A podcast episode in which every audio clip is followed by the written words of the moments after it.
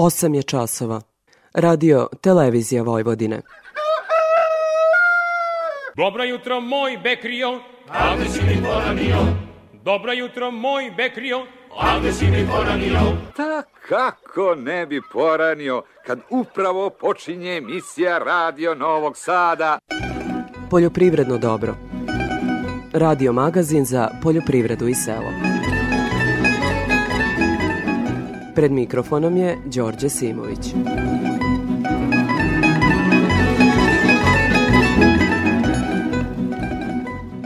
Poštovni slušalci, dobro jutro. Emisiju počinjemo od najaktuelnijeg.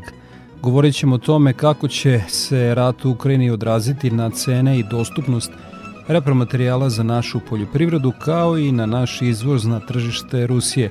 O tome je delom bilo reči na 16. kongresu voćara održanom u Vrniku, a o kojem govorimo u temi emisije – U uvodu predsednik Društva voćara Vojvodine Zoran Keserović kaže da će zbog sukoba u Ukrajini najviše trpeti naši izvoznici jabuka.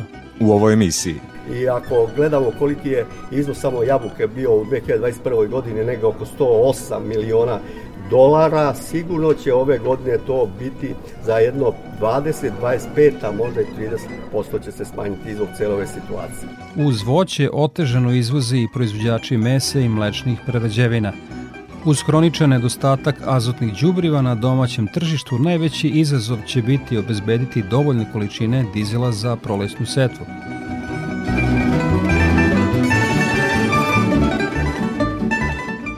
Sukob Ukrajine i Rusije u velikoj se meri odrazio na domaće tržište pšenice i kukuruza, a trend rasta cena se nastavlja, kaže Sunčica Savović, direktorka Udruženja Žita Srbije – Ona ističe da ukoliko cene nastave da rastu neplaniranom brzinom, država će imati način kako da to reguliše. Najbolji način, koji neće oštetiti ni proizvođače ni izvoznike, jesu izvozne kvote. Uvođenjem kvota za izvoz pšenice i kukuruza treba regulisati cene na domaćem tržištu i to je ideja o kojoj bi moglo da se razmišlja ukoliko bi cena pšenice i kukuruza nekontrolisano počela da raste na domaćem tržištu napominje direktorka Žita Srbije.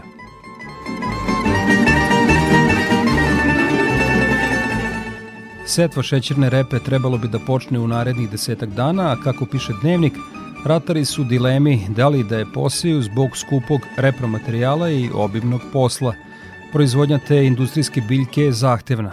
Potrebne su obimne agrotehničke mere dok ne dospe zavađenje – Troškovi proizvodnje su dvostruko veći od kukuruza, soje i suncokreta, čije su cene značajno uvećane u odnosu na prošlu godinu. Šećerane su prvo nudile 40 evra po toni, a sada za 2 evra više, plus bonuse za digestiju i čistoću, ali ratarima ni to nije dovoljno. U Savezu udruženja poljoprivrednika Banata odlučili su da obustave proteste koji su započeli zbog neispunjenih zahteva vlade Srbije do okončanja izbora, rekao je predsednik tog saveza Dragan Kleut. Kaže da je odluka doneta u konsultaciji sa drugim udruženjima u Srbiji koja nisu zadovoljna ponudom države da im jednokratno pomogne isplatom uvećanih subvencija po hektaru sa 4000 na 8000 dinara. Da podsjetim, poljoprivrednici su tražili isplatu subvencija od 200 evra po hektaru, ukidanje akcize na gorivo kako bi se smanjila cena, isplatu za ostalih dugova po osnovu sadašnjih subvencija i kontrolu uvoza mleka u prahu i mesa.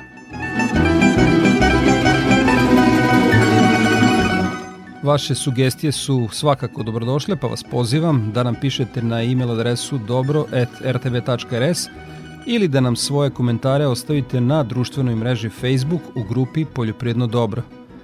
Toliko uvodu slušamo Nestora Gabrića i pesmu Sentomašu Lazu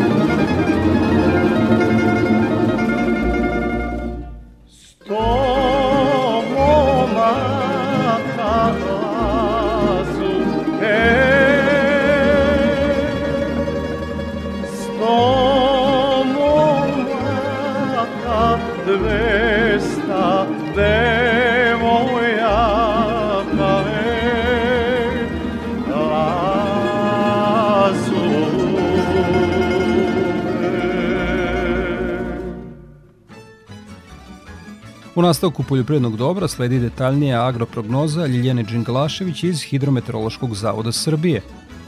Kraj februara i prvi dani marta obeleženi su hladnim vremenom od uobičajenog sa pojavom slabih padavina u većem delu zemlje.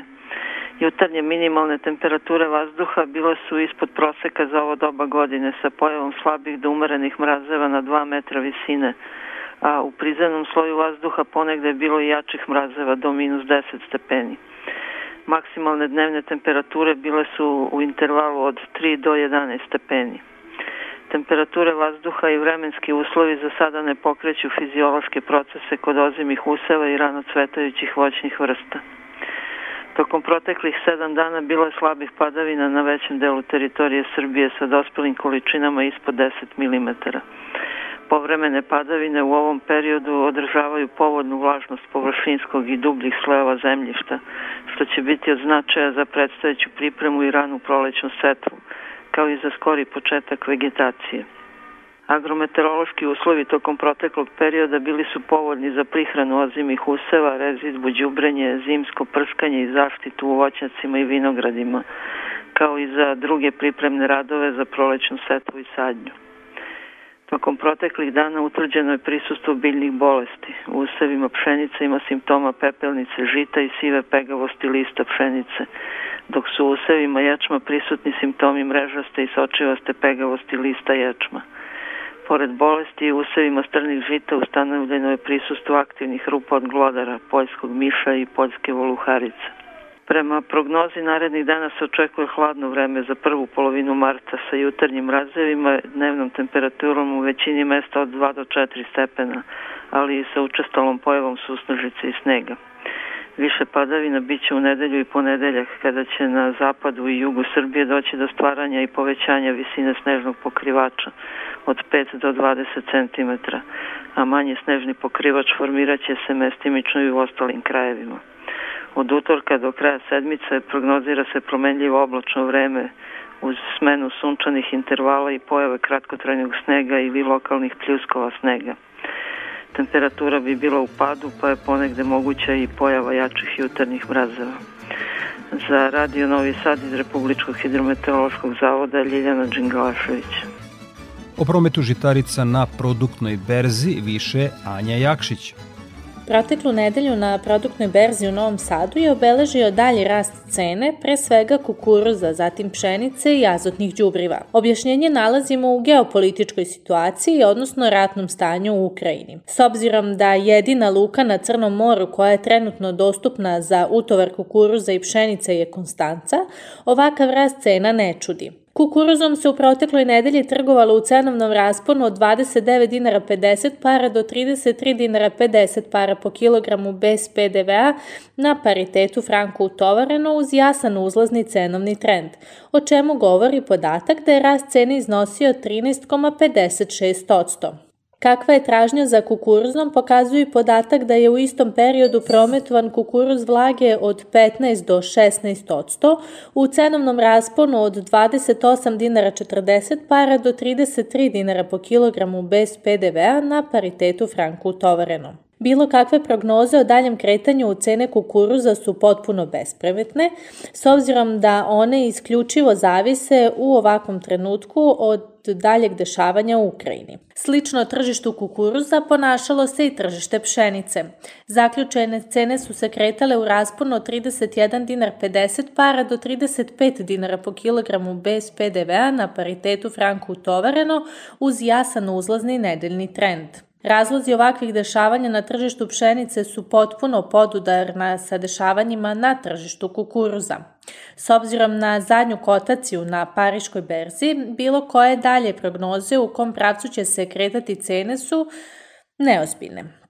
Ovih dana se objavljuju podaci koliko procentualno učestvuje ruska i ukrajinska pšenica u ukupnoj svetskoj proizvodnji. S obzirom da je taj procenat preko 25%, ostaje da se vidi kako će se u narednom periodu odvijati svetska trgovina. Ovo nedeljna ponderisana cena pšenice iznosi 33 dinara 95 para po kilogramu, što je više za 9,51% u odnosu na prošlonedeljnu cenu. Tržište soje u Srbiji se ponaša potpuno suprotno tržištu kukuruza i pšenice.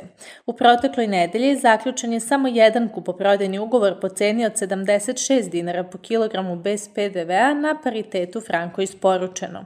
Zanimljivo je istaći da je cena soje na Čikaškoj berzi uglavnom beležila svakodnevni rast.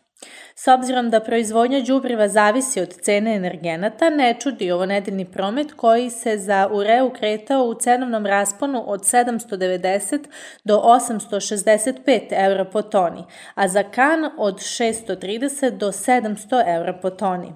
Cenovni trend kod azotnih đubriva se poklapa sa cenovnim trendom kod pšenice i kukuruza.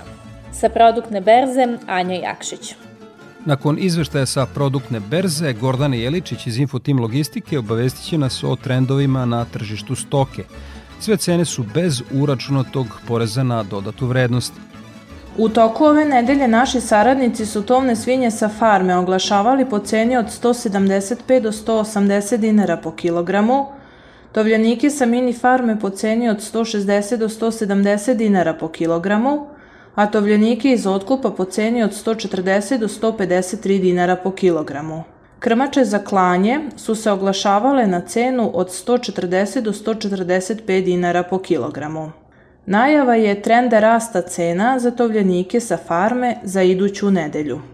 Ponuda jagnjadi oglašena je po ceni od 350 do 380 dinara po kilogramu, a ovce za klanje su nuđene po ceni od 138 do 160 dinara po kilogramu.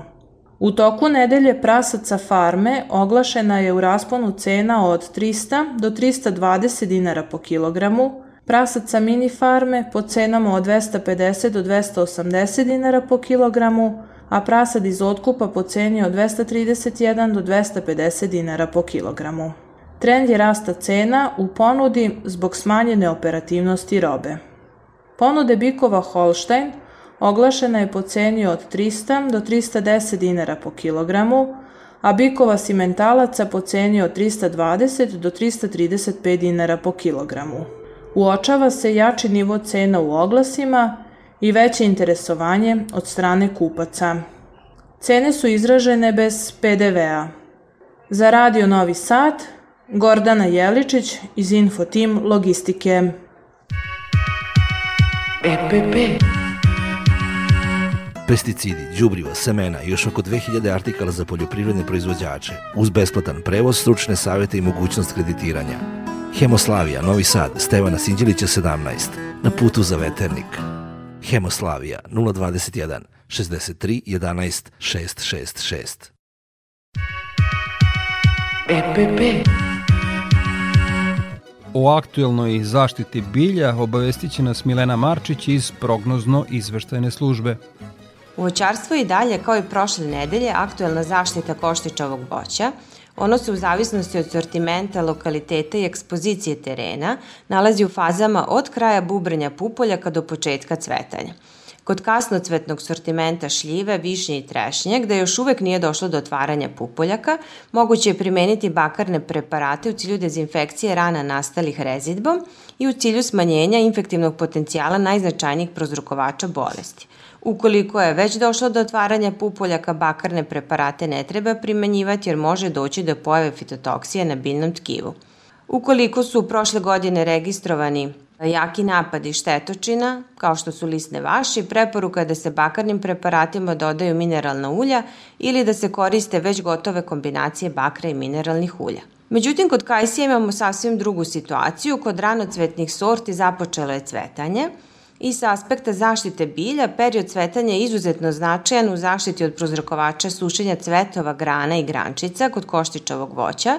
Ovo je bolest koja je poznatija pod nazivom monilioza – Iako u najavi imamo niske temperature, moramo imati u vidu da je ostvarenje infekcije ovim patogenom moguće u temperaturnom intervalu od 5 do 25 stepeni Celzijusovih i uslovima vlažnosti, a to znači da ukoliko imamo otvoren cvet, imamo najavu temperatura u navedenom intervalu, kao i najavu padavina, preporuka je da se Ovo koštičavo voće zaštiti fungicidima koji imaju dobro delovanje na nižim temperaturama i za ovu namenu mogu se primeniti fungicidi na bazi ciprodinila. Kako je na našim prostorima u poslednjih nekoliko godina aktuelno podizanje zasada borovnice, preporučujemo da se kod ove voćne vrste gde je krenula vegetacija izvrši tretman preparatima na bazi bakra, koji ima za cilj i smanjenje infektivnog potencijala prouzrokovača bolesti, ali i dezinfekciju rana nastalih rezidbom. Kod još jedne voćne vrste koja je doživela ekspanziju proteklih nekoliko godina, kod leske, sada je pravo vreme da se izvrši pregled pupoljaka na prisustvo leskinje grine, grinje, jer se u ovom periodu mogu najbolje uočiti simptomi napada. Napadnuti pupoljci su mnogo veći od zdravih, deformisani su i u obliku loptice, međutim, iako sada nije pravo vreme za tretman, jer larve još uvek nisu zbog niskih temperatura započele migraciju, sada je pravo vreme da se uoči prisustvo infestiranih pupoljaka, pa samim tim i prisustvo štetočine, jer se prisustvo grinje ne može lako uočiti golim okom zbog izuzetno malih dimenzija. Ova grinja je manja od jednog milimetra. U ratarstvu je i dalje aktuelna zaštita useva uljane repice od velike i male repičine pipe. Započeo je proces polaganja jaja ovih štetočina i svi proizvođači ove uljane kulture koji do sada nisu sproveli hemijske mere kontrole, krajnji je moment da to i učine i usevima uljane repice registrovani su insekticidi na bazi alfa-cipermetrina i lambda-cihalotrina. Iz prognoz izveštene službe zaštite bilja Milena Marčić. A upravo su savetodavci iz Poljopredne stručne službe Agrozavoda u Vršcu pomoću lovni klopki detektovali pojavu male i velike repičine pipe. Marija Trišić-Knežević. Trenutno se uljenoj repici odigrava proces polaganja jaja repičine pipe, koji uzrokuje i najveću štetu, objašnjava Vesna Jovančić iz prognozno savjetodavne službe Agrozavoda i kasnije se kao posledica u usevima mogu videti pokrivljene ili slomljene biljke šupljih stabljika. Zbog toga je savjet proizvođačima da na vreme primjene odgovarajući insekticide.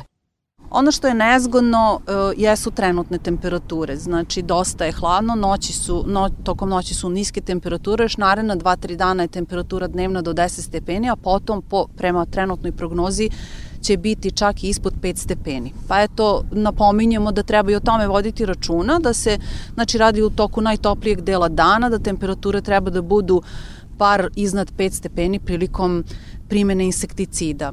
Posebno su ugrožene uljane repice iz prvih rokova setve, koje se trenutno nalaze u fazi razvijenih rozeta i pred porastu stablo. Uljane repice koje su kasnije nikle, e, nalaze se u fazi 7 do 9 listova i za njih da kažemo tako da ovaj tretman nije toliko hitan, ali znači za ove uljane repice iz ranih rokova setve treba proizvođači da nađu moment i da, odnosno preporuka je da nađu moment i da primene insekticide ukoliko smatraju da to treba da urade. Bilo bi dobro da pregledaju prvo parcele, da uoče prisustvo pipa, pa onda preduzmu taj tretman. Proizvodnja uljane repice je kompleksan posao, ali uz primjenu odgovarajuće tehnologije svakako se mogu ostvariti dobri i kvalitetni prinosi. Pravovremena i pravilna zaštita osnova je za stabilan prinos i visok sadržaj ulja. Poljoprivredno, Poljoprivredno dobro. Radio, Radio Novi Sad. Branislav Ugrinov se kod voćara u Kikinskoj opštini raspitivao o stanju višegodišnjih zasada i njihovoj prognozi za ovu proizvodnu sezonu. Vremenske prilike tokom zimskih dana veoma su pogodovale svim voćnim vrstama na području Severnog Banata, a ako se hladno vreme zadrži u narednom periodu, kikinski voćari poput Stefana Paskova mogu da očekuju odličan rod kajsije, nektarina i bresaka posle dve potpuno desetkovane sezone. Zima je bila hladna i snežna, zalihe vlagi u zemljište su na odgovarajućem nivou, tako da je sada veoma važno da ne dođe do naglog otopljenja, s obzirom na to da je voće u fazi mirovanja nepuni hektar kajsija imam, uh, ovaj, mali sam proizvođač, ali se trudim da, da, da što profesionalnije ja to odradim, jer sve kad imamo mnogo ne možem na, na sve strane da se, da se to dovede do savršenstva. Uh, kažem, nisam veliki proizvođač, ali se trudim da, sad je ona trenutno u osmoj godini, u punoj rodnosti i uh, očekujemo sad ove godine, očekujemo da će biti rod zadovoljavajući i ona je u deficitu, svake godine nema je, nema je dovoljno na tržištu i samim tim zbog prerade planiram da se bavim uh, preradom uh, kajsije, da pravim džemove, pekmeze, slatka i, i tako dalje. I svake godine, ajde kažem, problem je sirovina ta koja, koja je u deficitu i zbog toga sam se i odlučio da, da ovaj, da, da sadim kajsiju samo zbog, ajde, i zbog prodaje i zbog, zbog, zašto je lepa i zato što ovaj, želim da se bavim time. Prema sadašnjoj situaciji u voćnjacima, voćari mogu da budu zadovoljni, kaže Jelena Kljajić iz Poljoprivredne stručne službe u Kikindi, nadajući se da će vegetacija početi što kasnije, po mogućnosti u aprilu, ali to sve zavisi od vremenskih prilika u narednom periodu. Ovo je sada neki period, rekla sam kada je voće u prinodnoj fazi mirovanja, znači evo početak marta je ono, e, na svaki neki e, skok, nagli skok temperature će da odreaguje kretanje vegetacije, e, pogotovo koštičevo voće koje je prvo cveta, a kasnije lista, što se odražava naravno na izmrzavanje i na prinos.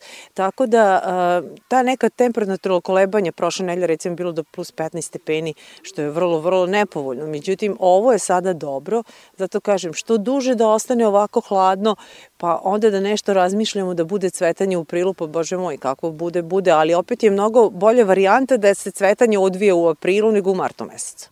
U toku je rezidba voća. Uslovi za taj veoma važan posao u ovom periodu godine su dobri, tako da voćari koriste vreme kako bi završili aktualne poslove na plantažama početkom decembra smo mi krenuli, radimo zaista i velike plantaže i ovaj, trudimo se da sve ispoštujemo kako treba, ali i da nam uslovi naravno dozvole. Što se tiče rezidbe, uslovi su adekvatni i idealni. Voćka miruje sve do samog početka vegetacije. Rodni potencijal što se tiče sad voćnih vrsta, baš sam rekao da obećava, e, tako da ćemo videti na kraju da će ti prolećni mrazevi učiniti svoje i da nadam se da neće u velikoj nekoj šteti ovaj, uh, prorediti i učiniti štetu na, na, na, na, voćnim, na voćnim vrstama. Ovo su sad neki optimalni rokovi da se e, ko nije završio, završi rezidbu. E, koštičavo voće može i malo kasnije da se pričeka, pošto je ono osetljivije na te neke zimske minuse, u stvari na zimske temperature. E, vinogradari, oni polako marta meseca ulaze, oni po tradiciji ulaze kasnije u svoje vinograde da režu. Znači, kogod nije završio, da se sad malo požuri i da završi rezidbu. Na području Kikinde u poslednjih nekoliko godina rod koštičavog voća redovno je desetkovan usled izmrzavanja, ali je uprkos tome povećan broj plantaža pod kajsijom i breskvom, kojim kikinski voćari očigledno ostaju verni. Slušamo pesmu Aj Lili Lili, pače moje malo, pa ćemo vas u temi emisije izvestiti o najvažnijem sa 16. kongresa voćara. Aj Lili Lili, pače moje malo, Aj li li li li, pače moje malo. Aj kad si malo što si zalutalo. Aj kad si malo što si zalutalo. Aj zare slađa voda iz kanala Aj zare slađa voda iz kanala bistra iz bunara Aj nego naša bistra iz bunara Ej diko moja i jesi li nisi? Aj diko moja i jesi Aj oženi se da vidiš ti nisi oženi se da vidim čiji si Il me ženi, il me se okani. Il me ženi, il me se okani. Il me mladu i ugro sahrani. Il me mladu i ugro sahrani. Tema emisije Departman za voćarstvo i vinogradarstvo Poljoprivrednog fakulteta u Novom Sadu i Naučno-voćarsko društvo Srbije u minuloj sedmici su organizovali 16. kongres voćara i vinogradara Srbije sa međunarodnim učešćem. Tradicionalno rad kongresa je organizovan u vidu usmenih saopštenja i poster prezentacija po sledećim tematskim celinama – genetika i oplemenjivanje, fiziologija i ekologija, agrotehnika, tehnologija proizvodnje, zaštita voćaka i vinove loze, kao i berba čuvanja i tehnologija prerade voća i grožđa. U stručni deo na marginama skupa najviše se govorilo o tome kako će rat u Ukrajini uticati na naše izvoznike voća. Bogat program ovogodišnjeg kongresa novinarima je predstavio direktor Departmana za voćarstvo i vinogradarstvo Dragoslav Ivanišević. Svoje e, radove prijavilo preko 100 naučnih radnika pretežno iz Srbije, ali i iz zemalja regiona kao što su Bosna i Hercegovina, zatim Makedonija, Hrvatska, Mađarska, zatim Turska, imamo i predavači iz Italije, iz Holandije, iz Poljske, tako da očekujemo zaista jednu, jednu vrlo zanimljiv, zanimljiv rad. Predviđeno je da u toku ova dva dana bude nešto preko 40 prezentacija, živih prezentacija i negde nešto preko 60 radova koji su predstavljeni putem postera. Predsednik društva voćara Vojvodine Zoran Kiserović kaže da je razvoj voćarstva u Srbiji više nego evidentan. Svedoci smo da poslednjih 20 godina je došlo do naglog napretka voćarstva i 2002. godine imali smo izvoz negde oko 600.000 tona, a evo sada 2021. negde oko 1.460.000. Znači da dva i po puta je zapravo povećana proizvodnja voća u Srbiji. Ne samo da je povećana proizvodnja voća u Srbiji, već je povećan i izvoz. Evo, 2020. godine imali smo negde, izvozili smo negde u rednosti oko 600 miliona dolara, a evo 2021. godine preko 800 miliona dolara. Sigurno da za napredak voćarstva je pre svega presudno znanje i zapravo tehnologije koje su prilagođene klimatskim promenama, a zapravo zahvaljujući ovakvim kongresima, savetovanjima, edukacijama proizvođača gde su oni dolazili do vrlo važnih informacija i do znanja i mi smo vrlo brzo namestili, nadomestili onaj slobodan prostor koji je bio posle uništanja agroindustrijskih kompleksa i evo sada voćarstvo Srbije beleži izuzetno znači veliki napredak skoro kod svih voćnih vrsta. Ja ću danas govoriti o stanju i perspektivi proizvodnje voća, analizirat ću kompletno sve voćne vrste, šta se desilo kod pojedinih voćnih vrsta, gde nam je šansa, koje su to nove voćne vrste, pored poznatih voćnih vrsta koji se nalaze među 10 izvoznih proizvoda kao što je jabuka, smrznuta malina je od 2021. godine na drugom mestu u ukupnom izvozu poljoprivredno prehrambenih proizvoda sa vrednošću od 360 miliona dolara, zatim jabuka isto među 10 i po prvi put našla se kupina sa vrednošću negde oko 86 miliona dolara. A, tu je izvoz višnje vrlo značajan i voćna vrsta koja u poslednje vreme dosta napreduje kada je u pitanju tehnologija izvor, to je borovnica. 2018. godine izvozili smo borovnice u vrednosti 3 miliona dolara, a evo ove 2021. negde oko 20 miliona dolara. A, sigurno da imamo velike šanse u proizvodnji, znači lešnika, lešnik je deficitan u Evropi, vidite, to je berzanska roba, skače, skače cena, a, dobro što su podignuti zasadi sada u Srbiji, mislim da mi sad imamo otprilike oko 6000 tona, imali smo 2000 tona, samo da vam kažem da jedna Italija godišnje uveze oko 56.000 tona, Nemačka 57.000 tona.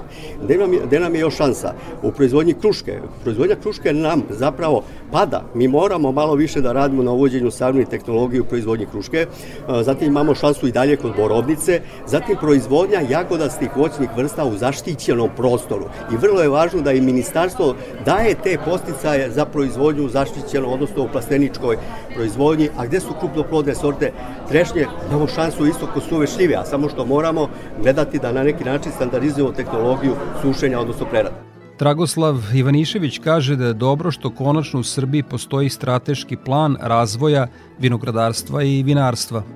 Kad je u pitanju ono što je dobra prednost srpskog vinogradarstva i vinarstva jeste da smo konačno, mislim, po prvi put u nekoj istoriji dobili e, program razvoja mera, dakle jedan dokument koji se, strateški dokument koji se odnosi na, na ceo sektor vinogradarstva i vinarstva koji je po mom mišljenju e, veoma dobar dokument. Problem predstavlja u tome što opet zbog ove aktualne e, situacije je njegova implementacija nije u punom obimu i ono što moramo insistirati na jednom periodu da implementacija programa mera bude negde u punom obimu i e, zaista verujem da su pred srpskim vinogradarstvom i vinarstvom mnogo bolji dani.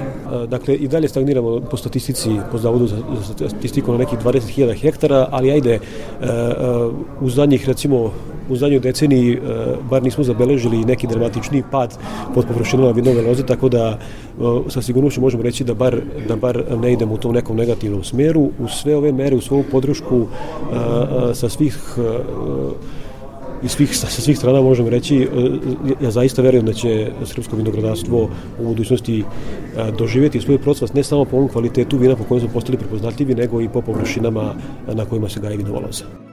Predsednik Društva voćara Vojvodine Zoran Kiserović kaže da će zbog sukoba u Ukrajini najviše trpeti naši izvoznici jabuka. Poznato je da je rusko tržište nama je veoma značajno za izvoz sveže jabuke i mi smo negde preko 80% izvozili na rusko tržište. E, posle ovoga što se desilo, sigurno da će se to odraziti na plasman, plasman jabuke. Što se tiče zamrznutog voća, mi smo pretežno to izvozili u zemlje Evropske unije, u Nemačku, e, Francusku, Austriju, tako da sigurno ne samo izvoz jabuke, nego će biti veliki problem sa izvozom sadnog materijala, jer dosta se proizvođača spremalo ovih dana da isporuči sadni materijal na rusko tržište, pogotovo u, zemlje Severnog Kavkaza, kakav je, kakva je Kabardino Balkarija, Severna Osetija i ako gledamo koliki je izvoz samo jabuke bio u 2021. godini, nego oko 108 miliona dolara, sigurno će ove godine to biti za jedno 20, 25, a možda i 30% će se smanjiti izvog cele ove situacije. Razvojem situacije zabrinut je i voćar iz Jaska, Branislav Utvić. Ako situacija se pogorša, verovatno će doći neko poremeće u tog lancu transporta i zbog velike neizvesnosti da li to tamo može stigne. A i sve zavisi od nastavka situacije. No, troškovi prevoza će biti verovatno povećani jer Ukrajina mora se zaobiđa i susedne zemlje verovatno će pokušati da izoluju Rusiju, to je da blokiraju izvoz. Na 16. kongresu voćara u Vrdniku Ministarstvo poljoprivrede predstavljao je državni sekretar Velimir Stanojević. Zanimalo nas je šta će država preduzeti kako bi olakšala plasman voća koje trenutno evidentno je gotovo i da ne može biti plasirano na tržište Rusije. Ova kriza koja eskalira e, sigurno će e, dovesti do određenih e, poremeća na tržištu i plasmana. Međutim, ono što će država sigurno preduzeti, pre svega Ministarstvo poljoprivrede, druga resorna ministarstva, privredne komora, jeste da e, tražimo druga tržišta. Mi smo u prethodnom periodu e, činili velike napore i kada se tiče e, plasmana našeg voća i na azijski kontinent, na afrički kontinent. U svakom slučaju e, moramo biti tu da pomognemo našim proizvođačima da plasiraju robu.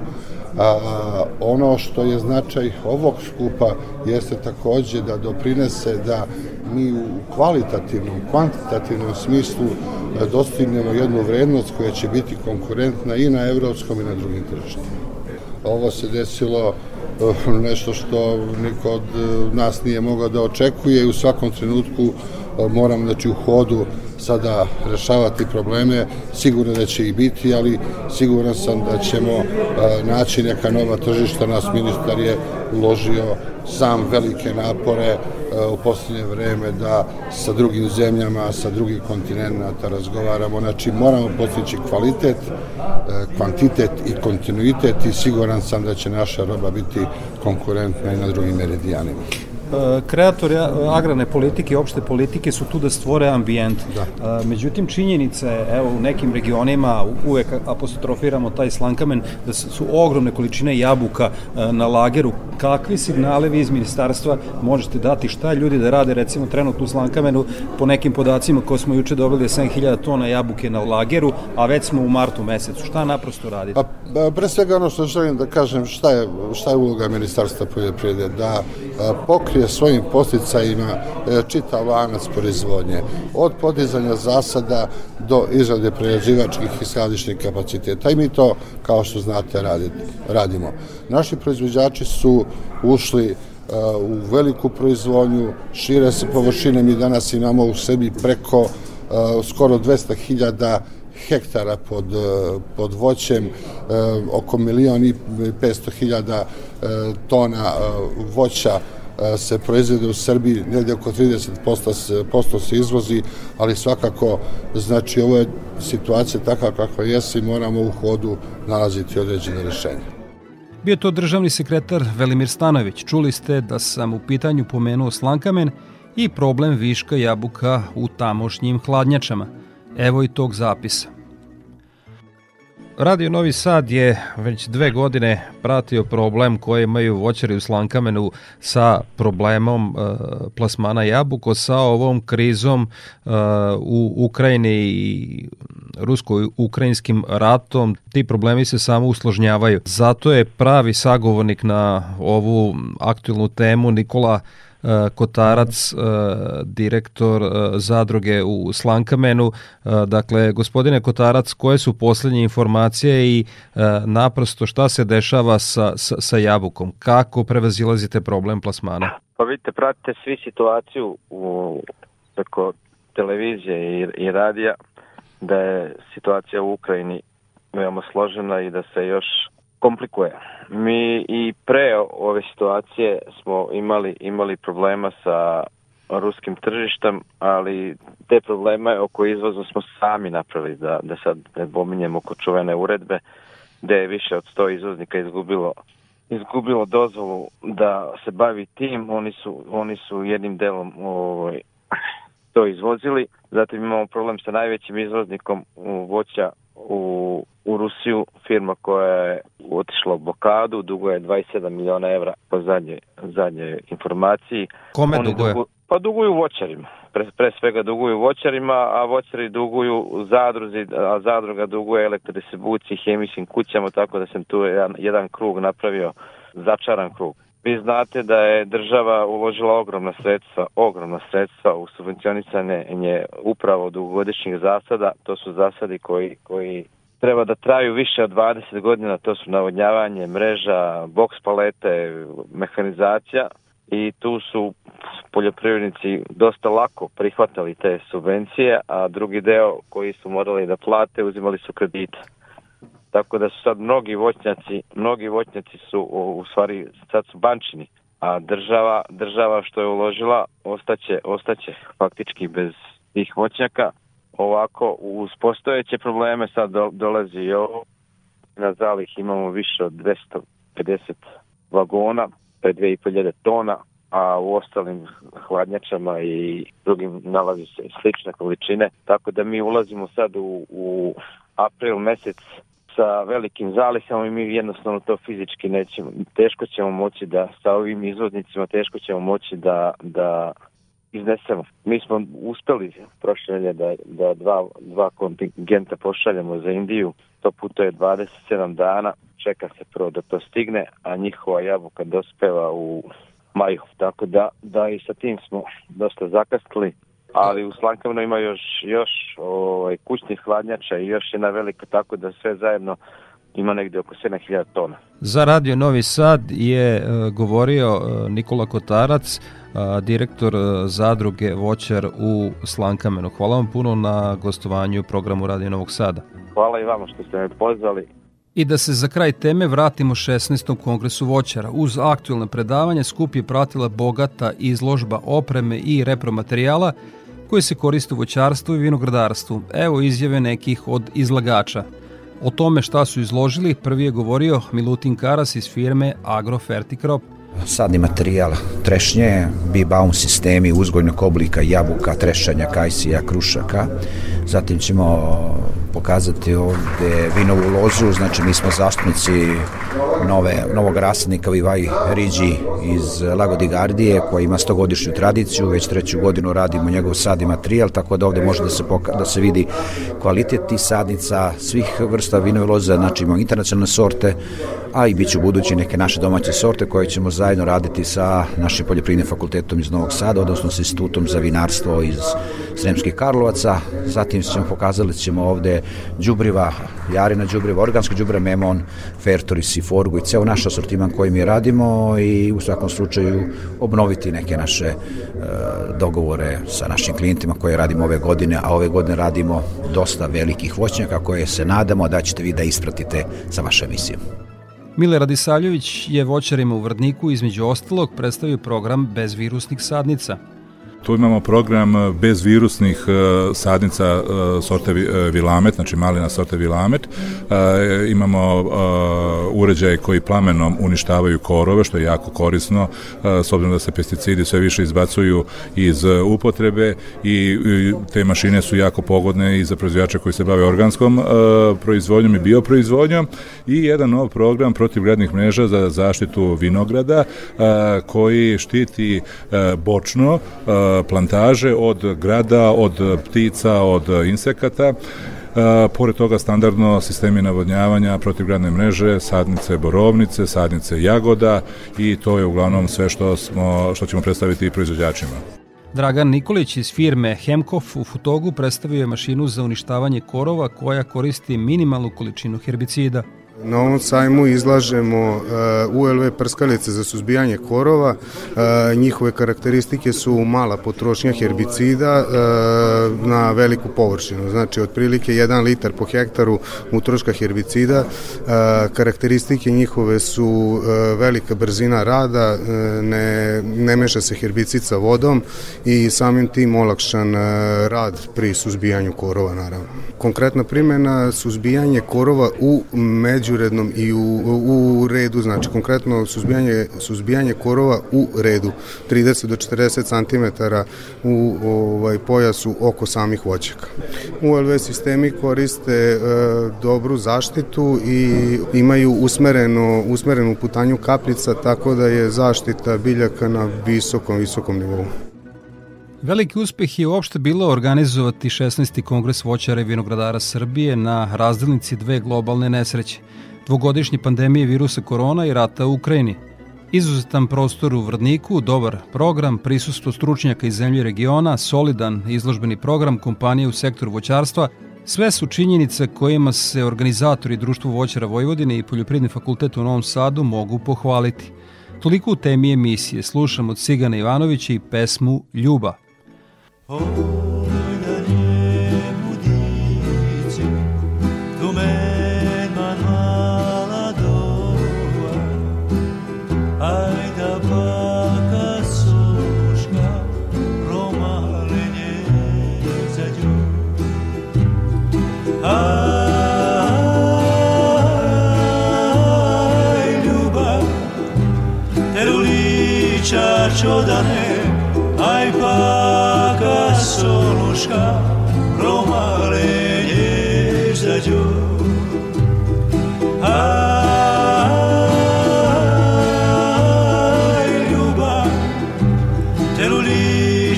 شدنه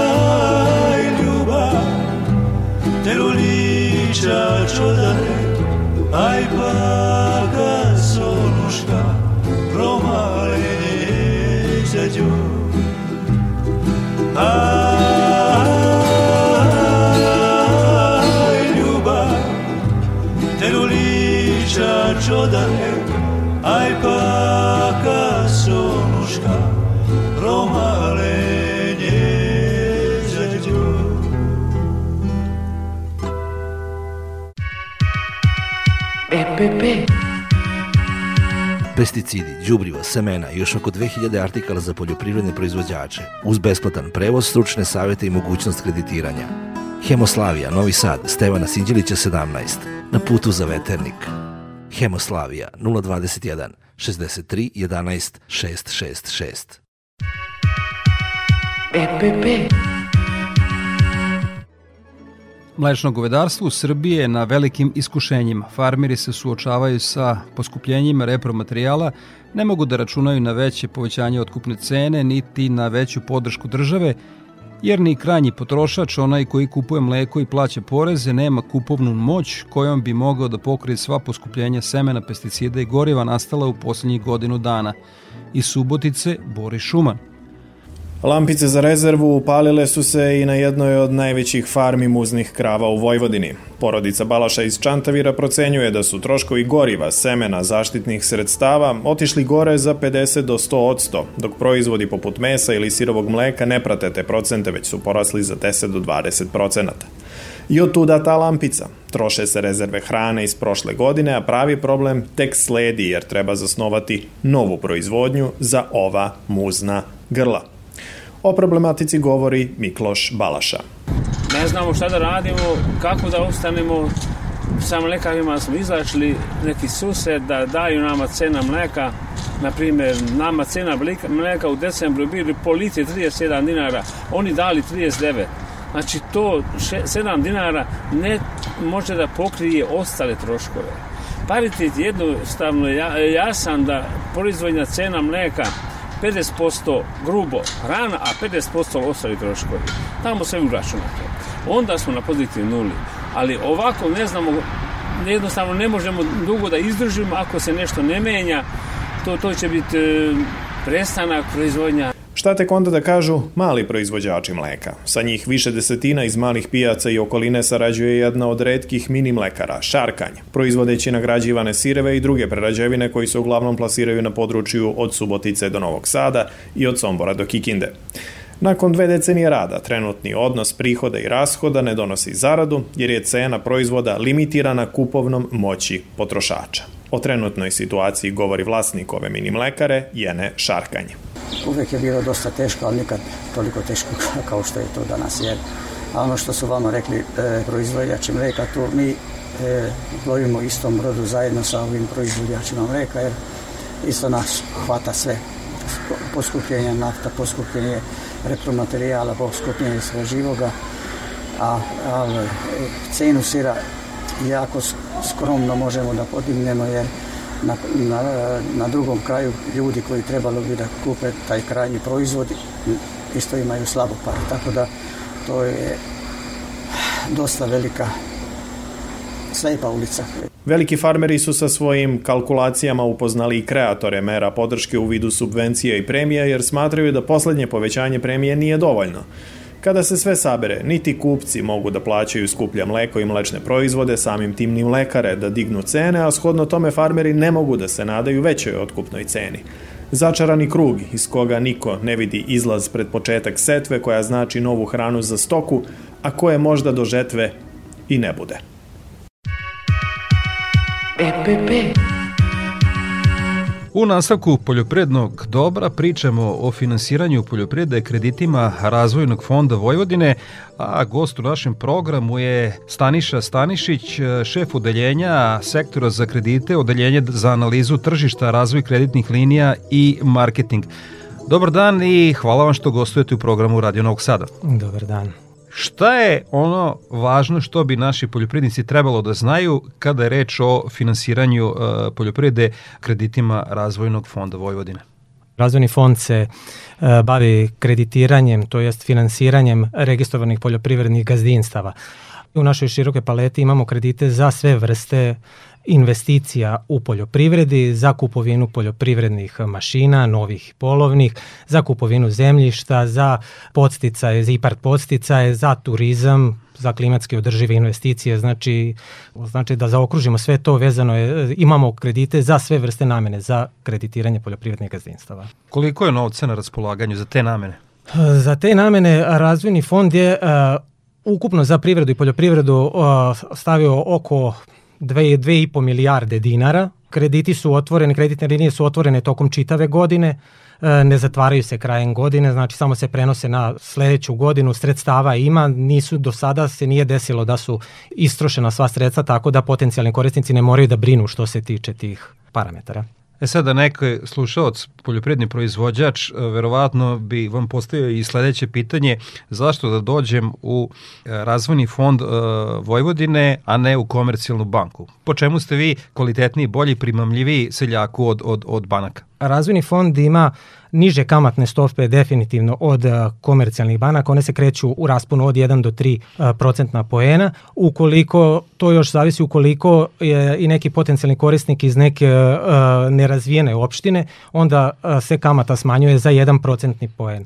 Znači to je jedan od uslova. Drugi je što razvojni fond ima grace period koji traje do 24 meseca, što ni jedna banka ne daje na tako dugačak, ne da grace period. Znači trošak obrade zahteva kod nas po kredit, za sve kredite isti u odnosu od 5000 dinara, znači, a u bankama se kreću i do 2, do negde 2,5% po odobrenim, odobrenom novcu i ovaj dokumentacija koja je potrebna. E, mi smo u odnosu na banke, razvojni fond je to e, stavio na bukvalno najniži nivo, da najniže, najmanje da se može e, priku, prikupiti dokumentaciju. Ono je naj, najosnovnije dokumentacije u odnosu na banke gde treba čitava papirologija vezana za, za odobravanje kredita verovatno se uh, diže kosa na glavi kada treba dokumentaciju uh, prikupiti, da li uh, samim seljacima nudite neku pomoć, asistenciju u tom poslu? Naravno, naravno kolege i koleginice iz obrade kredita, kada mi se dodeli korisnik o kojem će voditi računa, oni mu pomažu tokom celog perioda od momenta podnošenja dokumentacije i prikupljanja dokumentacije pa do momenta realizacije kredita, znači šta god im je potrebno, znači vezano za prikupljanje dokumentacije od, od osnovnih sredstava, pa se, od, od osnovnih uh, tih papira pa sve do konačnog odobravanja kredita. Slušalci ću zamoliti da uh, pribave olovku i papir kako bi zapisali kontakt podatke, a mi uh, nastavljamo uh, razgovor. Možda je najbolje da na konkretnom primeru pojasnite kako ide ta procedura, pa evo jedan primer recimo ako je poljoprivrednik e, zainteresovan za kupovinu poljoprivrednog zemljišta. Kreditna linija za kupovinu poljoprivrednog zemljišta je jedna od najinteresantnijih za sve, za sve poljoprivrednike. U razvojnom fondu kreditna linija je na 7 godina i 12 meseci grace period. Ono što karakteriše ovu kreditnu liniju je to da u momentu podnošenja zahteva korisnik ili potencijalni, to jest korisnik, ne mora imati tu zemlju koju hoće da kupi. Znači njemu je ostavljeno da aplicira za ta sredstva. Kada mu se sredstva odobre, e, ta sredstva ostaju kod nas, e, stoje kao u nekom sefu, da bi rekli, i ne ide ni kamata, ni ništa, do momenta dok on ne dođe sa overenim predugovorom ili ugovorom za zemlju koju hoće da kupi. Datumu je 365 dana da pronađe tu zemlju, tog dana kad dođe sa predugovorom, njemu se, pred, njemu se prebacuju sredstva na račun poljoprivrednog gazdinstva, on dalje distribuira taj novac prema prodavcu i tako. I od tog momenta ide i kamata i sve da uh, spomenemo i te podatke kako najlakše uh, poljoprivrednici mogu da dođu do vas i da se više informišu o kreditnim linijama. Uh, prvi je preko sajta rfv.rs da se informišu, tu imaju svi, svi podaci o svim konkursima, trenutno otvorenim konkursima razvojnog fonda, znači mogu pozivanjem telefonskog broja 021 454 334 takođe da se informišu vezano za sve kreditne linije razvojnog fonda kao i dolaskom u same prostorije razvojnog fonda u Novom Sadu, Bulevar Cara Lazara 7a, gde će takođe možda i na najbolji način da dobiju najrelevantnije informacije za sve kreditne linije razvojnog fonda. Važno je da novce ima novca uvek ima. Gost u programu Radio Novog Sada je bio e, Staniša Stanišić iz e, sektora za kredite, dakle šef odeljenja za analizu e, tržišta razvoj kreditnih linija i marketing u Razvojnom fondu Vojvodine. Hvala vam puno na gostovanju u našem programu. Hvala vama na pozivu. EPP. I za kraj emisije još jednom agroprognoza Ljiljane Đingalašević iz Hidrometeorološkog zavoda Srbije. Više padavina biće u nedelju i ponedeljak kada će na zapadu i jugu Srbije doći do stvaranja i povećanja visine snežnog pokrivača od 5 do 20 cm, a manji snežni pokrivač formirat će se mestimično i u ostalim krajevima. Od utorka do kraja sedmice prognozira se promenljivo oblačno vreme uz smenu sunčanih intervala i pojave kratkotrajnog snega ili lokalnih pljuskova snega. temperatura bi bila u padu, pa je ponegde moguća i pojava jačih jutarnjih mrazeva. Toliko poštovni slušaoci u ovom izdanju Poljoprivrednog dobra radio magazina za poljoprivredu i selo javne medijske ustanove Vojvodine. Ja sam Đorđe Simović i pozivam vas da ostanete uz Radio Novi Sad. Vašoj pažnji preporučujem ekološki magazin pod staklenim zvonom koji je na programu na Kovesti u 9. Svako dobro.